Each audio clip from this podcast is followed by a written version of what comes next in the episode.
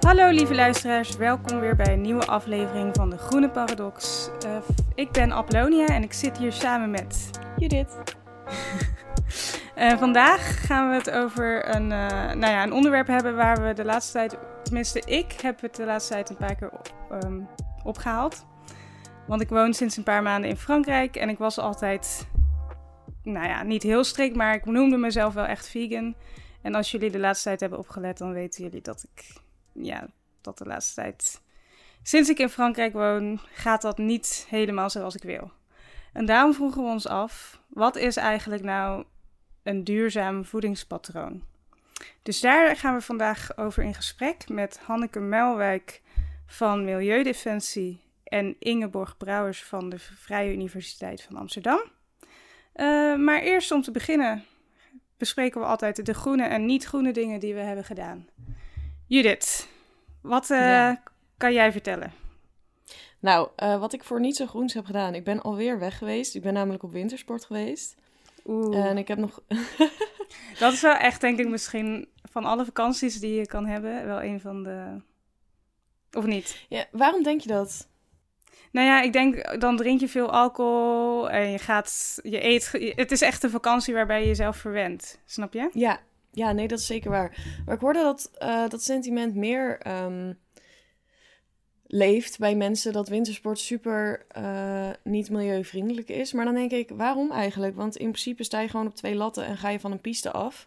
Nou ja, is het, dat is wel zo. Het is natuurlijk niet zo simpel. Ik heb ook nog even gegoogeld. Sowieso, als je heen en weer rijdt naar de Alpen met een ongeveer volle bezetting van je auto, dan is het uh, 90 kilo CO2 per persoon heen en weer. Nou zeggen die kilo's mij nooit zo heel veel, maar ik denk dat het best wel veel is. Um, voor vliegen zou het 300 kilo zijn per persoon, maar uh, we zijn gewoon met de auto gegaan. Um, en verder, wat natuurlijk schadelijk kan zijn voor het milieu, is dat je op de sneeuw natuurlijk gewoon eigenlijk door natuur skiet. Alleen die zit onder de sneeuw, dus dat zie je niet. Maar je ziet dus ook niet altijd wat voor schade je uh, toebrengt aan de natuur.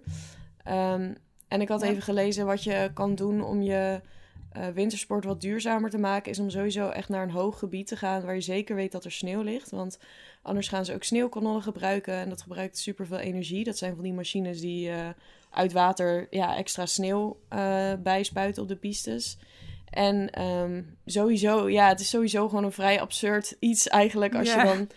We zaten daar dan in dat huisje en dan zie je s'nachts die sneeuwpoelies van die hele grote. Um, ja, het, lijkt, het ziet eruit als een soort uh, tractor eigenlijk. Uh, die de pistes weer prepareren en zo. Het is gewoon echt een hele industrie. Ja, die dat is gebaseerd is op, ja, op mensen die op twee latten de berg af willen. ja, oh mijn god, in de sneeuw, dat ook nog. Ja, ja. Dus, maar zaten ja. jullie in een hoog gebied? Um, wij zaten wel vrij hoog. We zaten sowieso in een heel groot gebied. We zaten bij Val Thorens. Val Thorens, ik weet nooit hoe je het uitspreekt. Nee, um, ik ook niet. nou, gelukkig ben ik niet de enige. Ja, dus het is een super groot gebied. Je hebt hele hoge stukken erin zitten, uh, waar sowieso gewoon altijd sneeuw lag. Maar als je meer richting het dal ging, richting ons huisje, dan uh, werd het wel wat minder. Uh, het verschilde ook nog heel erg per dag, want het had ook een paar dagen gesneeuwd. Ja, dan ligt het zo weer vol. Maar op een paar dagen had het ook gedooid en lag de sneeuwgrens echt op 2900 meter hoogte. Um, Wow. En... Dus dat verschil merkte je wel echt dit jaar. Want ik heb het idee dat er dit jaar best weinig sneeuw lag overal. Ja, of op is zich. Is dat ook normaal? Uh, want ik ben nog nooit op wintersport geweest, dus ik weet het Nee, niet. ik snap het. Nou, de hoogste top in dit gebied was volgens mij 3200 meter. Dus daar zat je sowieso gewoon goed. Maar ja, je merkte wel heel erg uh, dat het gewoon echt warm was. En dan denk ik altijd, is dat nou placebo? Maar de eerste keer dat ik ging skiën was ik volgens mij zes of zeven. Ik ging vroeger dan met mijn familie. En um, ja, dan was het wel gewoon echt koud. En nu, mm. uh, soms stonden we bij de lift en dan gaf de temperatuurmeter bij de lift aan dat het 10 graden was. En dan dacht ik, holy shit. mm, ja, inderdaad. Soms ja. dacht ik, ik heb gewoon zin om zonder jas naar beneden te gaan. Want het is gewoon echt, uh, warm. Ja, ja, heel warm. Oké. Okay. Um, dus dat had ik als niet zo groen iets. En als groen iets, dat is eigenlijk iets wat ik nog ga doen. Uh, maar ik ben bezig met een moestuintje te beginnen op mijn balkon. Ik heb de eerste spulletjes een beetje gehaald. Ehm, en ik heb nog van die moestuintjes van de Albert Heijn, weet je wel, van vorig Ja. jaar of misschien zelfs het jaar daarvoor. Ik, weet, ik heb geen idee of dat over de datum gaat of zo. Ehm, maar ja, Geïnformeerd.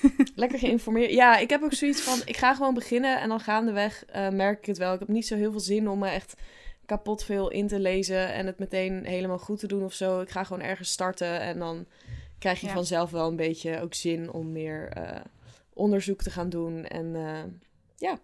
Ja. dat is wat ik ga doen. Dat is superleuk. Ik heb wel pas een gesprek gehad met iemand. Eh, als je, want ik ben dus ook met mijn moestuintje begonnen op mijn Mhm. balkon. Als je het op zo'n kleine schaal doet, is eigenlijk de vraag of het wel echt een soort van duurzamer is dan gewoon uit de supermarkt Oh kopen. ja, ja. Maar Nee, dat kan ik me voorstellen. Ik bedoel dat ook niet per se als duurzaam ding, maar meer als letterlijk groen iets. ja, dat, oh ja, precies, precies. En met de natuur bezig zijn is altijd leuk en geeft ons ook meer verbinding met de natuur, denk ik. Zeker, ja. Dan ga je er ook weer beter voor zorgen. Ja, want eh, mijn groene ding dit, eh, heeft daar ook een beetje mee te maken. Tenminste, ik Mhm. had natuurlijk al de vorige keer ook verteld dat ik met een moestuintje ben begonnen. En dat ik ook echt, naar aanleiding van ons gesprek van de vorige keer, echt beter probeer om te gaan eh, met, ja, gewoon de keuzes eh bewuster probeer te maken. Mhm. Maar er zit echt een superleuk winkeltje bij mij in de buurt. En daar ben ik echt super blij mee. Het is een soort van tweedehands plantenwinkel. En Wat daar koop ik nu mijn planten. Dus ze, ze, ze hebben allemaal van die halfdode planten of stekjes die al ge- geplant zijn. Mhm. Eh, en ze verkopen ook tweedehands potten. Of je kan van die plastic binnenpotten kan je kopen. En dan kan je zelf bedenken hoeveel geld je daarvoor wilt geven. Oh, lachen. Dat is, dat is mijn meest groene ding, denk ik. Want daar koop ik nu mijn planten voor de lente. En dat Wat vind leuk. Ik, echt- Ik wou dat we ja, dat hier ook hadden. Klopt. Maar de, de kringlopen hier in Frankrijk zijn echt veel slechter. Of er zijn veel minder kringlopen dan in Nederland. Dus ja, Hmm. je win some, you lose some. Ja. Ja, precies. Ehm, en mijn niet-groene ding is dat ik... ehm, ja, ik bestel best wel vaak dingen uit het buitenland. Bijvoorbeeld mijn koffie die ik drink. Mhm. Die komt uit Amerika. Wat echt... Oké, maar koffie Ja, komt dit- sowieso Klopt. uit de ja, oké. Amerika's. Daar, daar heb je wel een punt, inderdaad. Maar dan vind ik het gewoon zonde dat ze zeg maar. eh, want ik weet gewoon, de koffie die ik drink, waarom ik die wil drinken, is omdat ze er van die eh paddenstoelen doorheen doen. Eh, ja, dus bijvoorbeeld Lion's Mane of wat weet ik veel, dat is dan goed voor je Waarom? hersenen. Ja, dat, dat is schijnbaar, dat zijn is zogenaamd goed voor je hersenen of zo. Maar waarom in je koffie? Nou, je proeft het niet. Het is gewoon een soort van supplement. Die ze, maar dan natuurlijk tussen aanhalingstekens supplement Oh. aan je koffie. Oké, je apart. proeft het niet. Je proeft het niet. Het, is gewoon, het smaakt gewoon naar koffie. En omdat ik zeg maar kom wel... je aan deze eh, rare koffie? Ja, ik ben super geïnfluenced door YouTube. Ik zie dat echt al jaren. En toen een paar weken geleden was ik in eh, Parijs. En toen zag ik het in een winkel staan. En toen dacht ik, oh, dit wil ik al heel lang proberen. En toen heb ik hem daarna, toen die op was, besteld. Maar het domme is dus, ze hebben wel een Franse website, maar het is volgens mij gewoon uit Amerika overgestuurd. Eén fucking Mhm. pak koffie. Dan denk ik, ja, maak dan een hub in Frankrijk of in Europa. Mhm. Stuur daar duizend pakken naar. En verspreid het vanaf daar. In plaats van dat je één Ja. koffiepak... Maar ehm, alsnog gebeurt dat waarschijnlijk wel. Want je hebt gewoon distributiecentra en zo. En eh, ik ben nu een boek aan het lezen, Rotterdam, van Arjan van Velen. Gaat ook heel erg over ehm, vervoer met containerschepen. Ehm, als jij een pak koffie bestelt, dan is het niet zo dat ze dat pak koffie op het vliegtuig zetten, bij wijze van spreken, in zijn eentje. En dat die dan daar eh, bij jou afgeleverd wordt. Nou, dat vroeg me dus af, want het was verstuurd door FedEx. Maar misschien dat, Dat zij samenwerken met FedEx in Europa, ja. Weet je wat ik Maar ga doen? Ik ga een mailtje sturen. Ja. Ik, ga, ik ga het ze vragen. En dan ga ik het de volgende keer laten weten. Ik, Ik ga meteen een notitie maken, want anders vergeet ik dit. Ja. Ehm, nou ja, dus dat is. En maar ik bijvoorbeeld ook. eh, dat is dan misschien niet zo heel boeiend, want het is niet zwaar. Maar ik krijg Mhm. elke week een groene Amsterdammer uit Nederland in Frankrijk in de bus. Ja, ja. is toch een beetje zonde of zo. Het is wel heel ironisch. Oké, dan gaan we door naar eh, de volgende rubriek, waarbij we vertellen wat voor groen nieuws we zijn tegengekomen. Zou ik eh, aftrappen of jij? Nou, Je wilde al gaan Ehm, praten. Ik wilde al gaan praten, want eh, ja, ik heb een beetje wel soort. Het is wel nieuws wat te maken heeft met duurzaamheid. Het is niet super positief, maar je kan het wel positief opvatten. Ik heb het al naar je doorgestuurd over eh, de, oh de anderhalve graad is dood. Om maar even eh, eerst op zijn meest negatief te zeggen. Jee, we gaan verder opwarmen. Ehm, we hoeven niet meer tropisch op vakantie, want Nederland wordt tropisch. Ehm, ja, dus eh, die anderhalve graad opwarming, die gaan we eigenlijk in eh, 2033 al eh, aantikken. Ehm, op zich is dat natuurlijk geen goed nieuws, maar het werd ook wel goed eh, genuanceerd in het artikel. Want eh, ze zeiden bijvoorbeeld van, oké, de anderhalve graad gaan we niet halen. Dat is natuurlijk heel vervelend. Maar waren die doelstellingen überhaupt niet eh, opgesteld, ja, dan zou de opwarming nog veel harder gegaan zijn. Er zijn nu wel maatregelen genomen. Oké, het is niet genoeg om die anderhalve graad opwarming eh, als maximum aan te houden. Maar in ieder geval zijn er wel maatregelen en gaan we niet zo hard opwarmen als we zouden gedaan hebben als er geen maatregelen genomen waren. Hm, ja. Ik vind het alsnog niet echt per se super positief klinken of zo. Ik word er niet echt blij van, maar ik snap wel de insteek. Nee, ja, ik weet niet. Ik werd er natuurlijk ook niet per se blij van, maar ik werd wel blij van die nuancering. Want eh, die, eh, in het artikel van de NRC stond ook van, kijk, het is natuurlijk ook niet zo, oh ja, bij anderhalve graad is er helemaal niks aan de hand. Maar vanaf Mm. 1,6 eh, komt de zonsvloed Ja. en gaan we allemaal eraan. Ehm, kijk, al die ehm, extremere weersomstandigheden, die merken we nu ook al. Ik bedoel, die overstroming in Limburg twee jaar Ja. geleden, dat is natuurlijk ook al abnormaal. Ehm, ja, dat soort dingen gaan meer worden, des te verder we opwarmen. Maar ja, het is niet alsof we allemaal opeens eh, dood neervallen. Het enige nare wat ik dan wel nog daaraan vind, is dat ik denk, ja, dan... ehm, omdat we het nu dus niet redden om echt allemaal de schouders eronder te zetten... en echt genoeg maatregelen eh, te nemen... gaan het alsnog weer eh, de mensen zijn die het al het moeilijkst hebben Ja, die de grootste gevolgen van klimaatverandering gaan ondervinden. Zeker. Als jij niet het geld hebt om weg te verhuizen naar een eh, land waar het, eh, weet ik veel, waar het weer nog wel oké is, of waar geen tropische stormen zijn, of dat soort dingen, ja, dan ga jij gewoon het meeste last hiervan hebben. ja, ja, precies. Maar ik hoop in ieder geval dat zo'n nieuwtje, nou ja, nieuwtje, zo'n nieuws dan wel weer even een schop onder de kont is voor de overheid en zo. Nou ja, we zullen Ja. het meemaken. Ik hoop het ook. Ehm, en de volgende keer, de volgende aflevering, gaan we hier meer over praten. Dus misschien dat de gasten van dan eh, ons wat meer ja, hoop kunnen geven daarin. We Ja, zullen het zien. Dat is alvast een kleine teaser. Yes. Ehm, mijn nieuwtje eh, heeft weer te maken met Frankrijk. Sorry jongens, ik volg alleen nog maar Frans nieuws, dus eh, dit gaat voor altijd zo zijn. en heeft weer meer te maken met waar we het vandaag over gaan hebben. Ik heb namelijk gezien, want je hebt toch van die soort van scores of eh, ja, label op voedsel en zo in de supermarkt met A, B, C, D. En dat geeft dan aan hoe, eh, hoe gezond Hoe iets gezond is. het is. Mhm. Eh, dat willen ze dus in Frankrijk vanaf 2024 gaan doen, maar dan over hoe duurzaam iets is. Oké. Dus ik vind dat wel een goede vooruitgang. Ja, op zich wel. Ik ben benieuwd ehm, hoe het aanslaat. Of het mensen hun gedrag echt gaat beïnvloeden. Want bijvoorbeeld, stel ik koop nu een zak chips en ik zie daarop staan dat het een E is qua eh, gezondheid. Dan denk ik, oké, dat wist ik al. Oh, ja, maar ik, ik, ik, ik kijk dan wel, als er bijvoorbeeld een chips is met B, dan koop ik de B. Mhm. Oh, dat, nee, dat doe ik echt Ja, niet. maar ik hou sowieso alleen maar van naturel chips. Dus dan is het ook makkelijk. maar ik bedoel, als je dan een keuze hebt, dan wordt die keuze wel makkelijker. Snap je? Ja, Misschien dat het Dat niet mensen tegenhoudt om dingen niet te kopen, maar de keuze wordt makkelijker.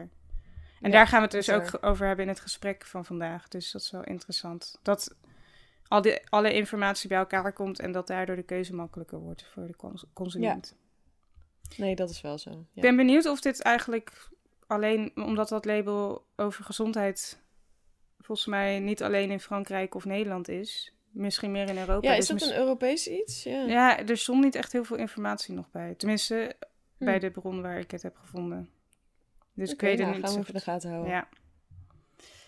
Ehm, Maar 2024, dat is dus volgend jaar al. Precies, ja. Maar ik denk dat ze dan sick. beginnen met bijvoorbeeld producten die worden geproduceerd in Frankrijk. Want Ah ja. Nu staat het ook nog niet op alle producten natuurlijk. Dat- Nee, dat- is waar. Klopt. Oké. Ja, ik denk dat het dan tijd is om eh, naar het interview te gaan luisteren. Yes. Vandaag eh, hebben we niet één interview met twee gasten, maar twee interviews waarbij we de gasten apart hebben geïnterviewd. Eh, we zullen eerst beginnen met Ingeborg, met wie we het hebben over ehm, ja, wat is eigenlijk een duurzaam voedingspatroon? Welke, ja, welke keuzes kunnen we daarin maken? En in het tweede deel van het gesprek met Hanneke hebben we het meer over wat is de rol en de verantwoordelijkheid van de consument en van de overheid en van de industrie.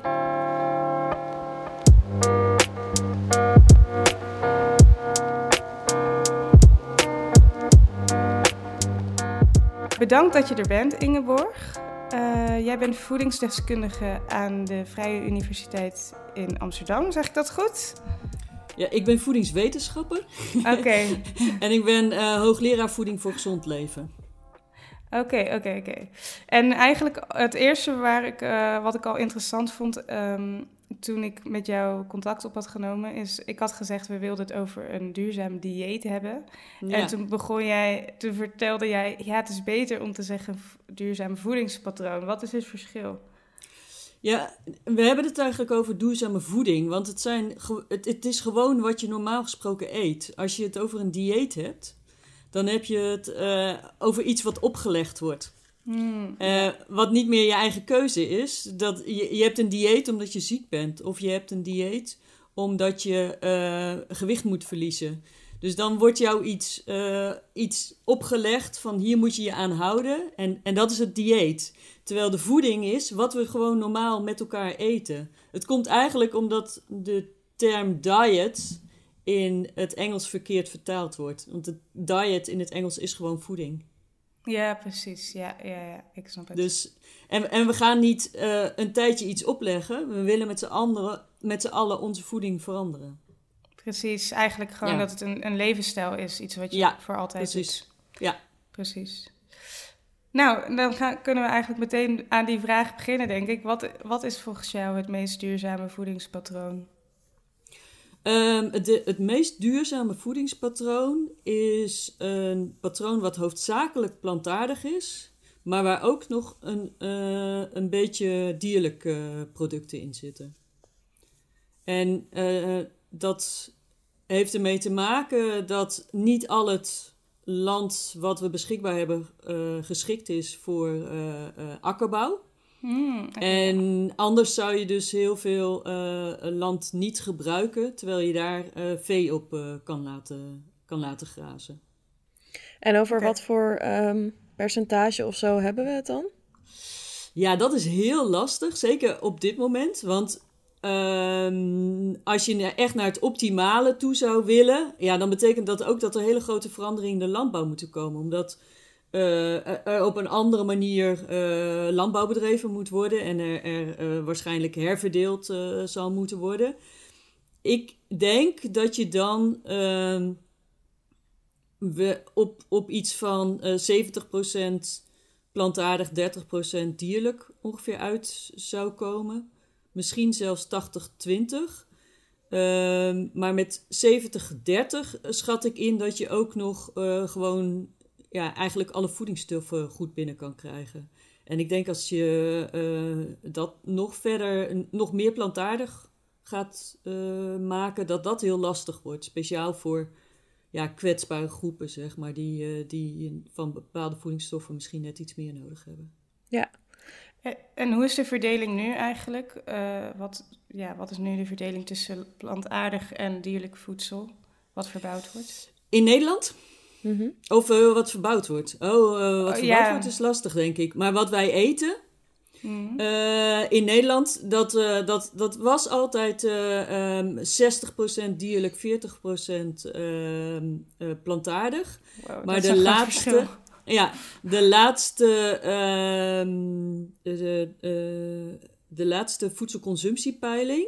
Dus daarin wordt gemeten van wat eten Nederlanders nou. Zie je een kleine verschuiving optreden. En dan kom je op iets van, volgens mij was het 57, 43. Oh ja. Dus Oké, 57 dierlijk. Ja. En ehm, dus het zou al een enorme stap zijn als we met z'n allen eh, om zouden gaan naar een systeem waarbij we meer plantaardig eten dan dierlijk. En dan heb ik het over percentage eiwit. Oké, oké. En als we kijken naar wat er aanbevolen wordt, zeg maar nu, eh, wat ongeveer bijvoorbeeld in de schijf van 5 zit, Mm. dan zou je op, ehm, op ongeveer 50-50 uitkomen. Ja, dat is dus eigenlijk nog steeds niet echt waar we dan volgens jou zouden moeten zijn. Nee, maar dat zou wel een hele stap zijn. Ja, ja. Maar dat doen En- we niet. Even nog een andere vraag, want je zegt net tussendoor, eh, dan gaat het om percentage eiwit. Wat bedoel je daar precies mee? Ja, nou je rekent met eh, plantaardig eiwit versus eh, dierlijk Mm. eiwit. Dus eh, ja, het is anders een beetje moeilijk. Als je in calorieën zou gaan kijken, dan heb je bijvoorbeeld producten. in een groente zit minder calorie per gram, omdat er ook bijvoorbeeld veel water in zit en zo, dan in, in, in vlees. Dus meestal kijken we naar het percentage eiwit. Eh, Oké, ik dacht inderdaad al van eh, waar gaat het op? Ik dacht nog gewicht of volume of dat soort Ja, dingen. Want ja. in principe zit in dierlijke producten zit wel veel meer eiwit sowieso, toch? Ja, ja. De meeste, de meeste dierlijke producten zijn een, een goede eiwitbron. Dus eh, vandaar dat het ook, ehm, nou ja, onder andere ook vanwege het eiwit, maar ze hebben ook heel veel andere goede voedingsstoffen. Dus om helemaal om te gaan, eh, dan wordt het heel moeilijk om je, om, om je bevolking eh, eh, gezond te voeden. Of eigenlijk is Mhm. dat niet echt, echt mogelijk. En bovendien, bovendien kunnen we dan ook niet, als we helemaal van dierlijk af zouden stappen, dan, dan laten we dus heel veel land ongebruikt, omdat we dat niet op een andere manier kunnen gebruiken. En Ja. dan lukt het ons niet meer om de hele wereldbevolking te voeden. Hm. Dus dat moet je ook in de gaten houden. Ja, dat is wel dat is iets waar ik inderdaad nog nooit bij stil heb gestaan. Want er wordt, Nee. ik denk dat er best wel een trend is van oh, eh, helemaal volledig eh, Ja, eh, plantaardig eten, dat is het allerbeste. Maar daarbij worden natuurlijk vaak dit soort dingen helemaal niet nee. ja, aangehaald. Nee, nee dat klopt. En, en kijk, op dit moment eh, is het nog best wel gunstig dat er mensen zijn die helemaal plantaardig eten. Want eh, er zijn ook mensen die veel te veel, ja, om het zo maar te zeggen, veel te veel vlees eten. Ja. Eh, de grootste stap die we echt met z'n allen moeten maken is gewoon minder vlees eten. Ja, Eh, eh, dat, dat zou een enorme impact hebben als we eh, met z'n allen echt stappen gaan maken met minder vlees eten. Want met die paar mensen die bereid zijn om volledig plantaardig te gaan, red je het gewoon niet. ja, precies. Ehm, en je had het er ook over dat het dan het gezondste zou zijn, ook voor kwetsbare groepen. Wil je daarmee zeggen dat ehm, mensen die dus nu volledig plantaardig eten, dat die ja, voedingsstoffen mislopen? Ja. Ja, in principe wel. Ja, nee, ja, sowieso. eh, vitamine B12 zit alleen in, eh, in dierlijke, in, in eh, eh, eh, ja, stoffen van, van dierlijke oorsprong. Dus eh, als je volledig plantaardig eet, krijg je geen vitamine B12 binnen. Dat heb je wel nodig. Ehm, dus dat zou je dan uit een supplement moeten halen.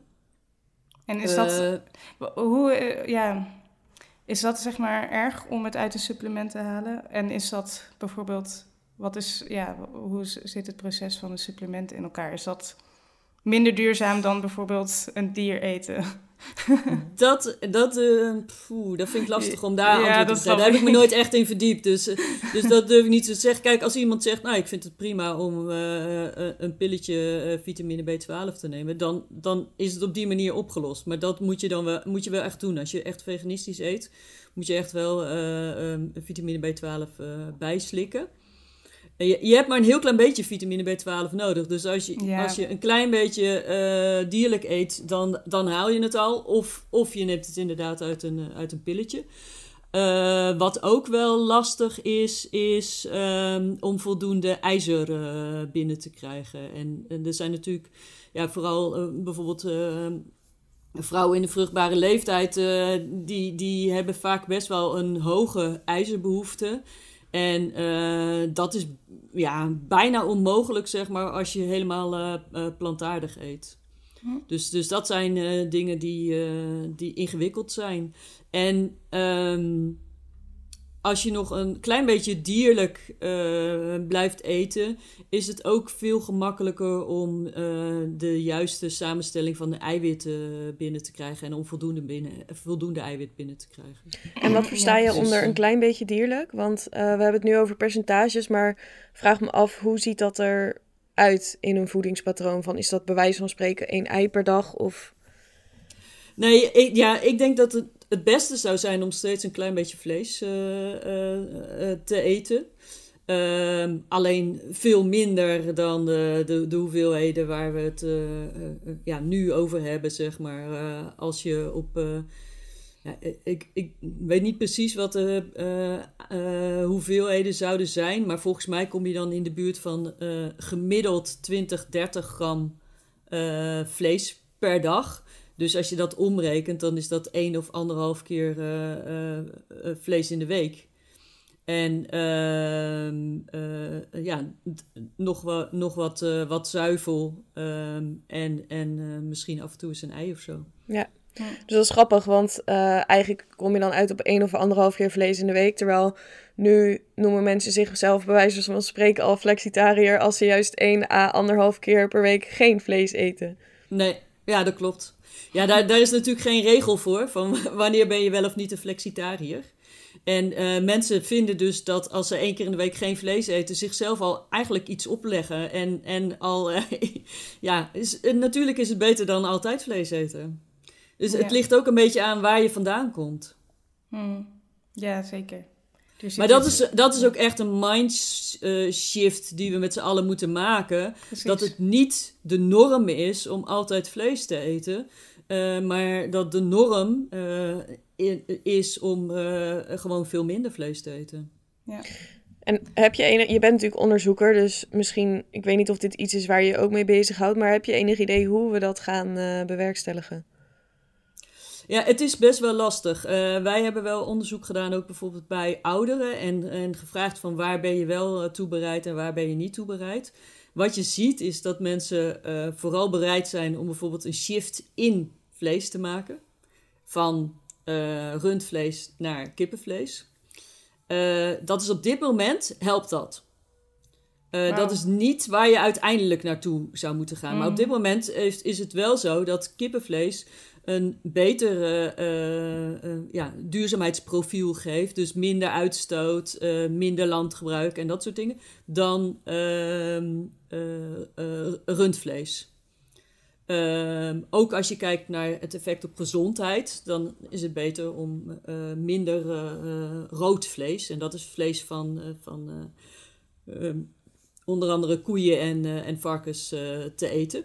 Ja, dus, dus op dit moment zou, uh, helpt het al als mensen een shift maken, zeg maar. En zeggen van, nou, ik, in plaats van dat ik drie keer in de week rundvlees uh, um, eet, uh, eet ik twee keer daarvan kip en één keer rundvlees. En oudere mensen lijken daar wel toe bereid, zijn veel minder bereid om ehm, echt het vlees weg te laten. Ja. Ehm, en als ze dat wel willen doen, dan, dan zijn ze uh, wel bereid meer richting de plantaardige dingen te gaan. Dus minder nog uh, als je bijvoorbeeld naar insecten kijkt als alternatief. Of uh, ja, hmm. kweekvlees of dat soort dingen. Maar ja, dat, dat is. We hebben wel specifiek bij ouderen gekeken in verschillende Europese landen. En het zou wel weer eens anders kunnen zijn als je dus naar een meer jongere populatie kijkt.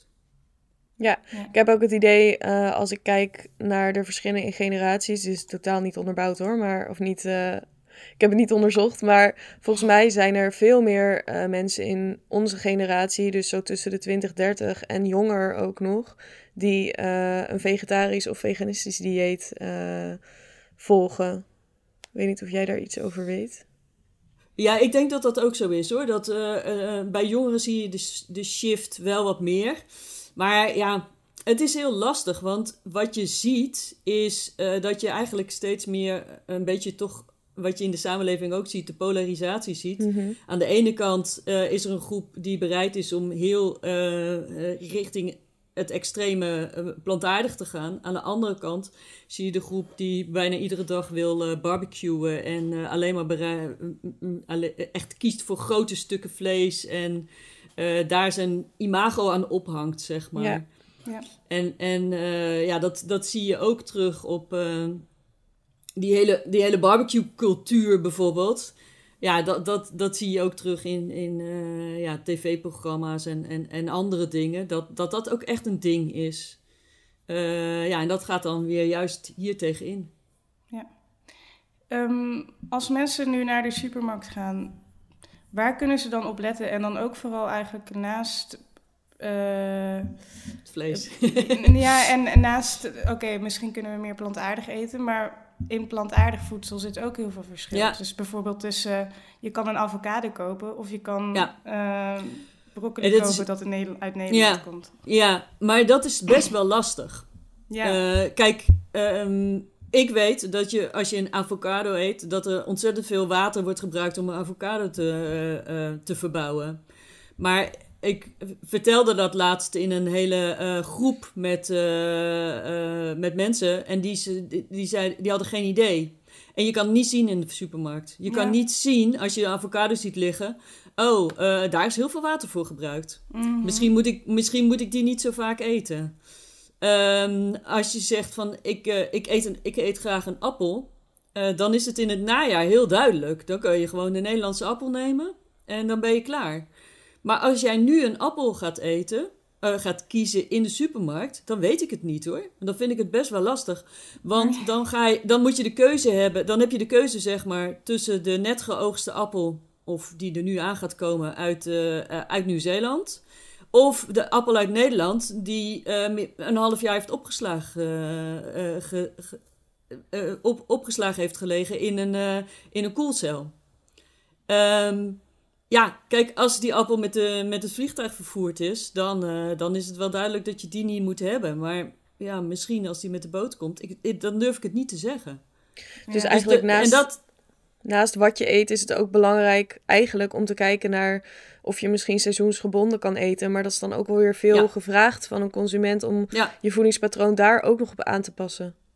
ja, en, en dan, moet je, dan moet je dus nog wel weten wat er in welk seizoen verbouwd wordt. Ja, precies. het- Alleen het, al dat het is dus ook niet. Ja, eh, het is dus ook niet per definitie zo dat lokaal altijd gunstiger is dan eh, als het van verder weg komt. Kijk, en, en, en dat is het ook. ehm, eh, we hebben een soort romantisch idee van eh, een, klein biologisch boertje die eh, alles heel eh, mooi verbouwt enzovoort. En dat dat het meest gunstige zou zijn. Maar ehm, soms is het ook heel gunstig om grote hoeveelheden van iets te verbouwen. Je hebt veel minder verspilling. Je, hebt, je kunt je, je, je apparatuur beter inzetten. Je kan precisielandbouw eh doen.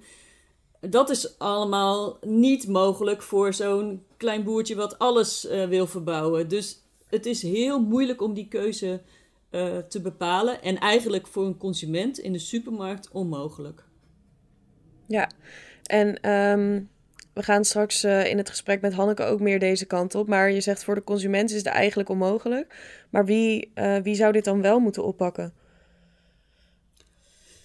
Ja, ehm, eh, dat, is, dat is best wel een lastige. Ik denk wel dat de, ehm, eh, dat de overheid eh, wel maatregelen ook op moet leggen. En eh, eh, dat die wel eh, in die zin macht heeft. Als je het aan het bedrijfsleven overlaat. eh, ja, die hebben mooie, eh, wel mooie praatjes. En eh, op zich maken ze ook wel wat stappen. eh, als het gaat om, om, om duurzaam produceren. Maar hun belangrijkste belang is nog altijd gewoon hun eigen winst. Precies. Dus, eh, en als een overheid een maatregel neemt, dan is die maatregel ook voor alle bedrijven hetzelfde. wat je nu ziet is dat sommige bedrijven lopen voorop. Die nemen zelf maatregelen. Uh, maar die worden daar eigenlijk niet voor beloond. Mm. Dus, uh, dus de markt gaat zo, die verandert zo snel als de langzaamste veranderaar. Ja. Ja, um, ja je ziet dat bij het, het, het uh, productakkoord. Dat uh, um, ja, degenen die voorop lopen, worden daar eigenlijk niet voor beloond. Dus als je als overheid maatregelen neemt, zullen sommige bedrijven daar zelfs nog wel blij mee zijn. Ja, ja precies. Oké. En, en, en op de een of andere manier moet er iets uh, bedacht worden waarmee de consument beter geïnformeerd wordt en een keuze kan maken. Oké, dan uh, zijn we nu bij het tweede deel van het gesprek aangekomen. En uh, daarvoor hebben wij nu een interview met Hanneke Muilwijk van Milieudefensie. Hanneke, wil jij jezelf misschien even voorstellen? Ja, hallo. Um, ik ben Hanneke Muilwijk. Ik werk als uh, senior inhoudelijk medewerker landbouw en voedsel bij Milieudefensie. En dat houdt in dat ik me vooral met dat thema bezig hou en uh, ja, iedereen in de organisatie over dat onderwerp adviseer. Um, en hiervoor uh, heb ik heel lang een onderzoeksfunctie gedaan op het gebied van landbouw en voedsel en voedselsystemen. Dus ik weet er ook behoorlijk wat vanaf. Ja, nou super fijn. Uh, dan wil ik graag even inhaken op waar we in het gesprek met Ingeborg uh, uh, gestopt zijn. want Hanneke, wij hebben een heel leuk voorgesprek gehad waarbij we ook eigenlijk heel snel uitkwamen op de vraag van... ja, wat is nou eigenlijk de verantwoordelijkheid van de consument? Um, kun je daar misschien op ingaan? Waar ligt volgens jou de verantwoordelijkheid voor duurzame boodschappen doen? Ja, nou ik vind dat die niet bij de consument ligt. Of niet primair bij de consument, laat ik het zo zeggen. Um, Kijk, ehm, mensen um, kunnen natuurlijk zelf kiezen wat ze gaan eten. En uh, uh, je kiest in de, in de winkel zelf de dingen die je koopt. Um, maar eigenlijk een van de, uh, de, de, Het meest worden wij eigenlijk beïnvloed door grote bedrijven in wat we eten of kopen. grote voedselbedrijven bepalen met hun aanbod en hun reclames gewoon ja, wat wij kunnen kopen en wat we gaan kopen. Als een grote supermarkt de spersieboontjes deze week in de aanbieding doet, dan heet Eet Half Nederland later deze week de spersiebonen. Dus de, de vraag is niet, um, ja, willen wij dat wij beïnvloed worden? Willen wij wel dat anderen zich bemoeien met ons eetpatroon? Maar eigenlijk door wie willen wij dat ons eetpatroon wordt beïnvloed? En uh, ja, op dit moment zijn dat de grote voedselbedrijven, zoals supermarkten en voedselfabrikanten. Maar ook natuurlijk restaurants en bekende koks en um, ja, um, dieetgoeroes en zo hebben natuurlijk invloed op wat mensen eten. Ja, is dat iets want je noemt nu bijvoorbeeld uh, grote supermarktketens. Ik vraag me dan af. Uh, we hadden het gisteren met Ingeborg ook heel even kort over dat het voor hen natuurlijk uiteindelijk toch gaat om uh, de winst die ze maken. Um, maar zou jij hen in de toekomst een duurzamere kant op zien bewegen? Kunnen we op hen bouwen, bij wijze van spreken, voor, daarvoor? Um, ik denk dat. Um, kunnen we op hen bouwen? Nou, ik zou eigenlijk eerst nog een stapje terug willen zet, zetten en eerst ietsje meer inzoomen in uh, op hoe werkt dat eigenlijk en, en hoe, hoe, hoe bepalen zij dat eigenlijk? Want dat is eigenlijk nodig om te begrijpen, ook volgens hoe je dat dan zou kunnen veranderen, ja of nee. En dan komen we eigenlijk bij de rol van, ja, wat zou je dan willen dat een supermarkten doen? En um, ja, heel vaak leeft er een soort beeld over consumenten dat die een soort uh, rationele beslissers zijn. Dus dat als je in de winkel staat, dat je dan even goed gaat nadenken, alle voor- en nadelen even afweegt en dat je dan een keuze maakt. Nou, als je als wetenschapper naar voedselconsumptie gaat kijken, dan valt wel snel op dat de meeste mensen op die manier geen keuzes maken. Zeker niet rondom voedsel. En uh, rondom voedsel lijken onze keuzes veel meer uh, beter te beschrijven te zijn als een uh, routine. Dus de routine van elke dag met, met, een kop koffie en een boterham ontbijt. Of de routine van boodschappen doen op zaterdagochtend. En ja. um, als je beter naar dat soort routine, of als je dat soort routines gaat uiteenrafelen in de wetenschap, dan kom je er eigenlijk op dat er drie onderdelen zijn. Dat is eerst de voedselomgeving. Dus welk voedsel is er te koop, tegen welke prijs, in welke winkels, hoeveel winkels. Dus eigenlijk alles in de omgeving, hoe het voedsel tot ons komt. Ja. Dan uh, voedselvaardigheden. Uh, ben je in staat om een gezonde keuze te maken? Weet je wat je moet doen met een biefstuk of met een stuk tofu? Uh, en de sociaal-culturele betekenis van voedsel. Uh, dat zijn gewoon de gedeelde waarden eigenlijk die wij die in een bepaalde cultuur, maar ook wij in Nederland met elkaar hebben. Um, een goede avondmaaltijd in Nederland is aardappelen, groente, vlees. Mm -hmm. Toch? Precies. En met kerst eet je kalkoen of kip of zo. En uh, paaseitjes rond Pasen. En zo hebben wij allemaal gedeelde sociale ja, betekenissen rondom voedsel. En die drie onderdelen die bepalen eigenlijk onze routine. En als je dan gaat kijken, maar wie, bepaalt nou, wie hebben nou eigenlijk invloed op die voedselomgeving, op onze voedselvaardigheden en op de betekenis van voedsel, um, dan kom je dus wel snel bij, eh, zo, bij een supermarkt uit. Want supermarkten hebben echt heel veel invloed op het voedsel dat wij kopen. Zo'n 70 tot 90 procent van de aankopen aan voedsel die worden gedaan, die gaan via de supermarkt.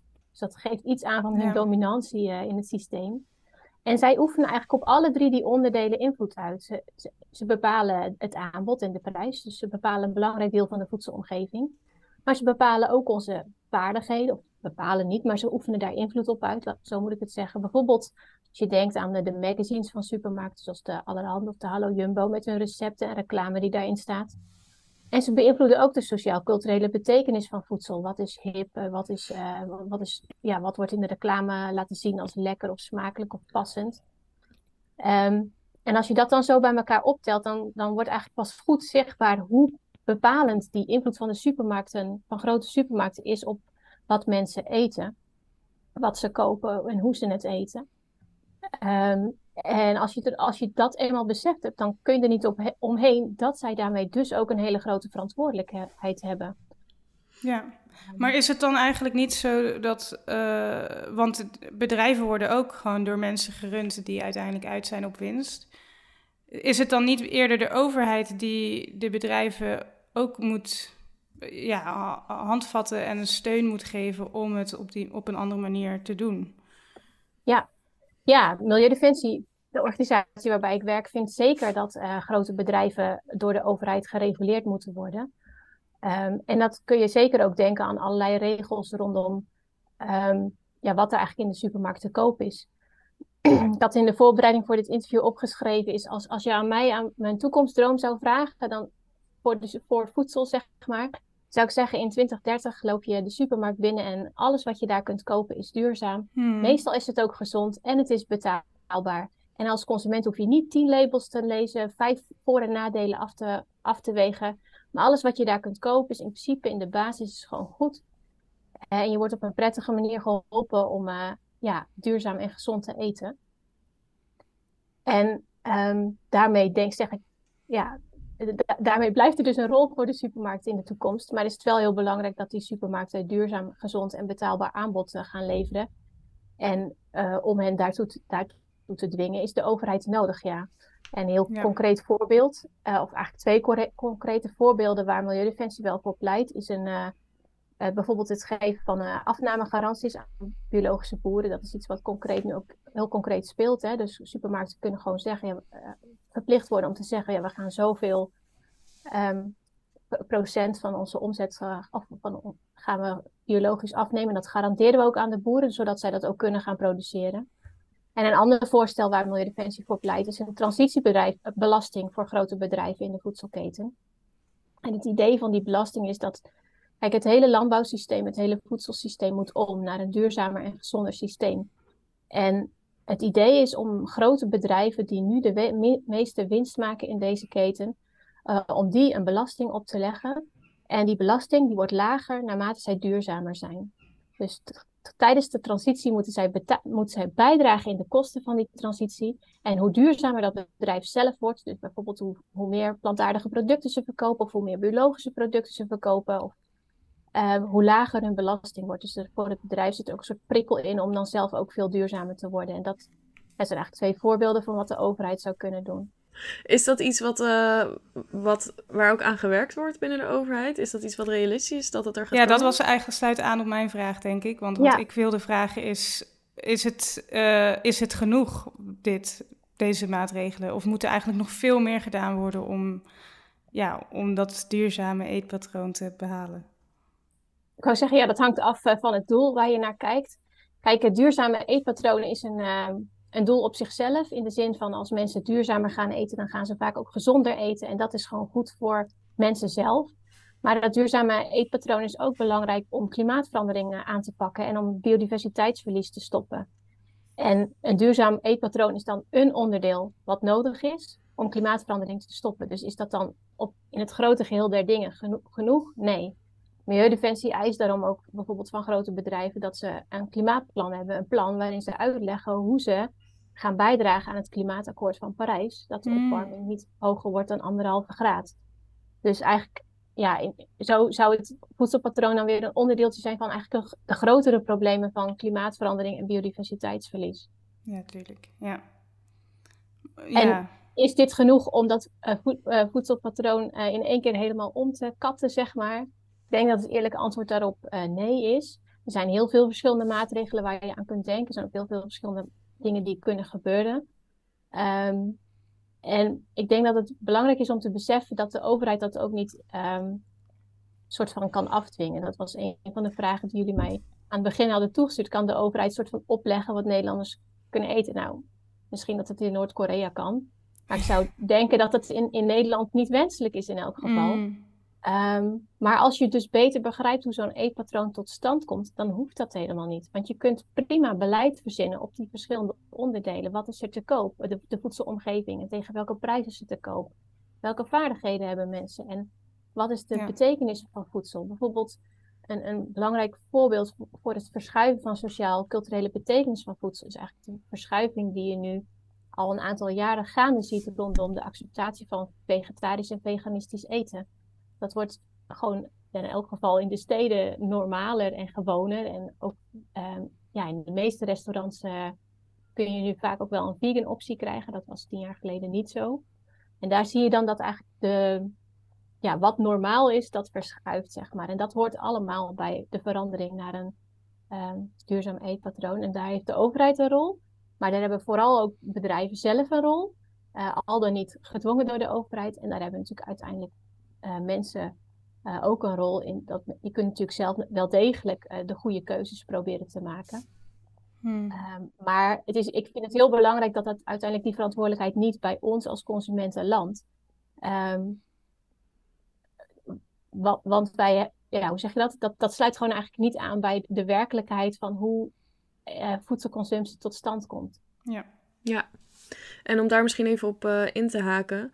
Ehm, we vroegen ons ook nog af, is een duurzaam voedingspatroon voor iedereen toegankelijk? Ik weet nog dat heel lang de tendens een beetje was van bijvoorbeeld, ja, vleesvervangers zijn te duur. Eh, inmiddels is dat volgens mij helemaal niet meer aan de zeggen, hand. dat is niet zo, hè? Vleesvervangers zijn Nee. inmiddels ongeveer even duur Ja. of, uh, of. Precies, of zelfs goedkoper. En zelfs Eh, eh, als plus- je... Ja, je hoeft niet per se, denk ik, alleen maar vleesvervangers te eten. Als je bonen zou eten, is misschien nog zelfs veel gezonder en misschien zelfs duurzamer dan vleesvervangers, denk En ik. goedkoper. En goedkoper, ja. Nou ja, dus eh, is, het, is het toegankelijk voor iedereen om duurzaam te eten? Nou ja, daar kom ik eigenlijk terug bij die droom die ik heb. Dat je in 2030 de supermarkt binnen kan lopen en dat alles wat daar te koop is, dat dat duurzaam, meestal gezond. Er zal heus ergens nog wel een zak chips te vinden zijn, zeg maar. Hm. Dat kan ook in een gezond eetpatroon. Eh, maar en ook betaalbaar is. En ehm, ja, en dan is het voor iedereen toegankelijk. Maar dan moeten we wel toe naar een eh, verandering van eigenlijk in het voedselsysteem. En waar we nu zien dat juist grote bedrijven heel veel winst maken. En het gaat echt over miljarden per jaar. Hè. De afgelopen jaar weer de Rabobank, Ahold hebben miljarden winst gemaakt. En, en de prijzen zijn enorm gestegen voor consumenten ja, het is gewoon alleen maar eerlijk als zij ook gaan meebetalen aan de transitie. En nou ja, dat is bijvoorbeeld de reden dat wij pleiten voor zo'n transitiebelasting. Dat klinkt misschien best wel technisch en helemaal niet zo heel dicht bij mensen. Maar dat is ervoor, dat is zodat het, zodat het wel, dat, dat de veranderingen eerlijk en rechtvaardig verdeeld worden. En dat de prijzen in de supermarkt niet de pan hoeven uit te reizen, maar dat de winst over de keten beter verdeeld wordt en de rekening niet op het bord van burgers en boerenland. Ja, precies. Maar je zegt dus eigenlijk daarin van mijn droom is dat, dat het dus op die manier ook toegankelijk wordt voor iedereen. Dus daarmee zeg je eigenlijk dat dat nog niet het geval is. Dat Ehm, duurzaam eten voor iedereen toegankelijk is. ja, er zitten eigenlijk twee verschillende dingen, twee verschillende kanten aan. Als je, ik, het voedingscentrum heeft in het verleden wel een, een duurzaam en gezond eetpatroon doorgerekend en dan ook uitgerekend hoe eh, duur dat is. En dat komt helemaal niet zo heel duur uit. Dus dan zou je kunnen zeggen, kijk, het kan wel eh, goedkoop en duurzaam en gezond eten. Ja, maar daar heb je dus wel heel veel voedselvaardigheden voor nodig. En ook heel veel tijd en ruimte in je hoofd. En eigenlijk als we kijken naar de, wat de praktijk is eh, bij mensen met een lage inkomen, is dat ze zeker als ze echt weinig als ze echt uh, voedselonzeker zijn en moeite hebben om de boodschappen te betalen, is dat er vaak ook heel veel andere stressoren in hun leven zijn. Waardoor het gewoon heel veel moeilijker is om ehm, ja, gezond en, en, duurzaam te eten en dan zelf te gaan koken en al, en al hmm. ja, ja, ehm, zonder pakjes en zakjes en zo. Dat, dat, ja. Dus dan gaat het misschien niet eens alleen om geld, maar ook om andere dingen. Tijd ja, het gaat en ook, mentale energie. Ja, precies. En ik denk dat we daar eerlijk over moeten zijn. En dat dat nu lastig is. En dat dat de reden is. Dat, of dat het, dat het een reden is die bijdraagt aan waarom je nu in alle gezondheidsonderzoeken terugziet dat mensen met een lager inkomen vaak ook een slechtere gezondheid hebben. En dat is natuurlijk super triest. En daarom um, is klimaatrechtvaardigheid voor Milieudefensie zo belangrijk. Ehm, dat, het, dat het eerlijk wordt verdeeld. Dus dat niet alleen rijke mensen met een hoog inkomen en ook misschien vaak ook een uh, hoge opleiding, dat die dan ehm, ja, heel duurzaam en gezond kunnen eten. Maar dat dat, dat voor iedereen uh, toegankelijk wordt. En dat, dat gaat dus breder dan enkel de prijs in de supermarkt. Dat gaat ook over het gemak waarmee het beschikbaar is. En dat je dan ook weet hoe je dat moet klaarmaken en, en dat soort zaken. Um, dan ben ik eigenlijk wel benieuwd, want ik heb best wel uh, discussies, of nou ja, discussies. Soms uh, hebben mensen het over een vleestaks en ik hoor daar hele verschillende meningen over. Wat, wat is jouw uh, standpunt daarover? Ja. Want dat heeft nou, dan natuurlijk ja. invloed op de burger ja. direct. Ja, precies. Nou, wij zijn supporter of partner van de TAP-coalitie. Dat heet de True, True Animal Protein Price Coalitie. En dat is een, een ja, een, een een, een NGO, zeg maar, die pleit voor een belasting op vlees en zuivel in Nederland. Maar die hebben een heel uitgewerkt uh, voorstel. En in dat voorstel zit uh, een, een, een, reële beprijzing van vlees. Dus waarin de kosten van voor klimaat, voor biodiversiteit, voor watervervuiling, dat die allemaal worden meegenomen in de prijs. En dat tegelijkertijd van de opbrengst van die belasting, dat een deel daarvan naar de boeren gaat, om hen in staat te stellen op die manier te produceren. En een ander deel zit een voorstel in om een, een, aantal tientjes per maand, dacht ik, um, bij de zorg voor mensen die zorgtoeslag krijgen, uh, een, soort van gezond voedselbudget bij de borg, hmm. zorgtoeslag op te stellen. Ja. En, en, op die manier worden dan mensen, kijk, als je in aanmerking komt voor zorgtoeslag, dan uh, heb je, dat is uh, gebaseerd op inkomen, hè? dus ja.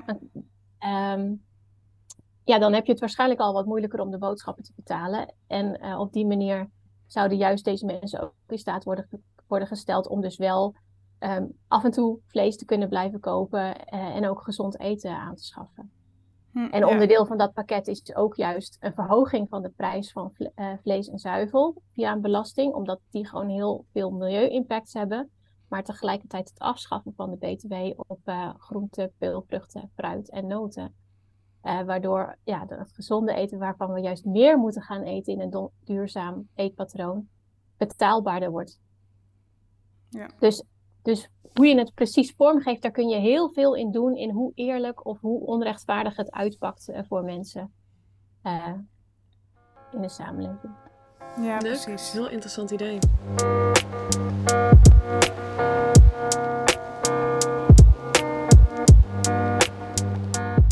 Ik denk dat het alleen leuk is om ons laatst nog even te vragen van... Uh, oké, we hebben het nu over de verantwoordelijkheid ligt niet bij de consument... maar we vinden het toch altijd wel leuk om de luisteraars iets mee te geven... wat ze zelf kunnen doen.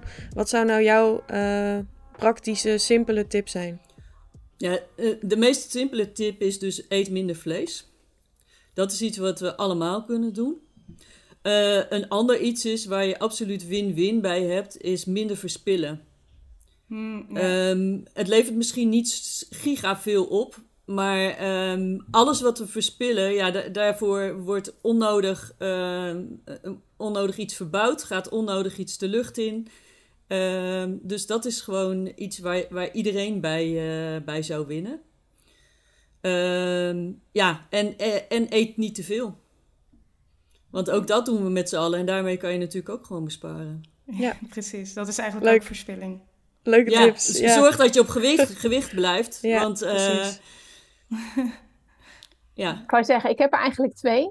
Hmm? En eentje is meer uh, op het systeem gericht, als in de, de, echte verandering. Als je zit te luisteren en denkt, ja, maar ik wil gewoon de, de echt me inzetten voor de voedseltransitie. En uh, zorgen dat, ja, mijn droom, misschien herken je daar wel wat in van wat, alles wat in de supermarkt ligt, is gewoon duurzaam betaalbaar en meestal ook gezond. En daar hoef ik verder niet te veel over na te denken. Dan zou ik je uitdagen, word actief bij Milieudefensie om grote bedrijven uit te dagen deze switch te gaan maken. We hebben echt groepen door het hele land waar je uh, ja, op allerlei manieren bij kan aansluiten.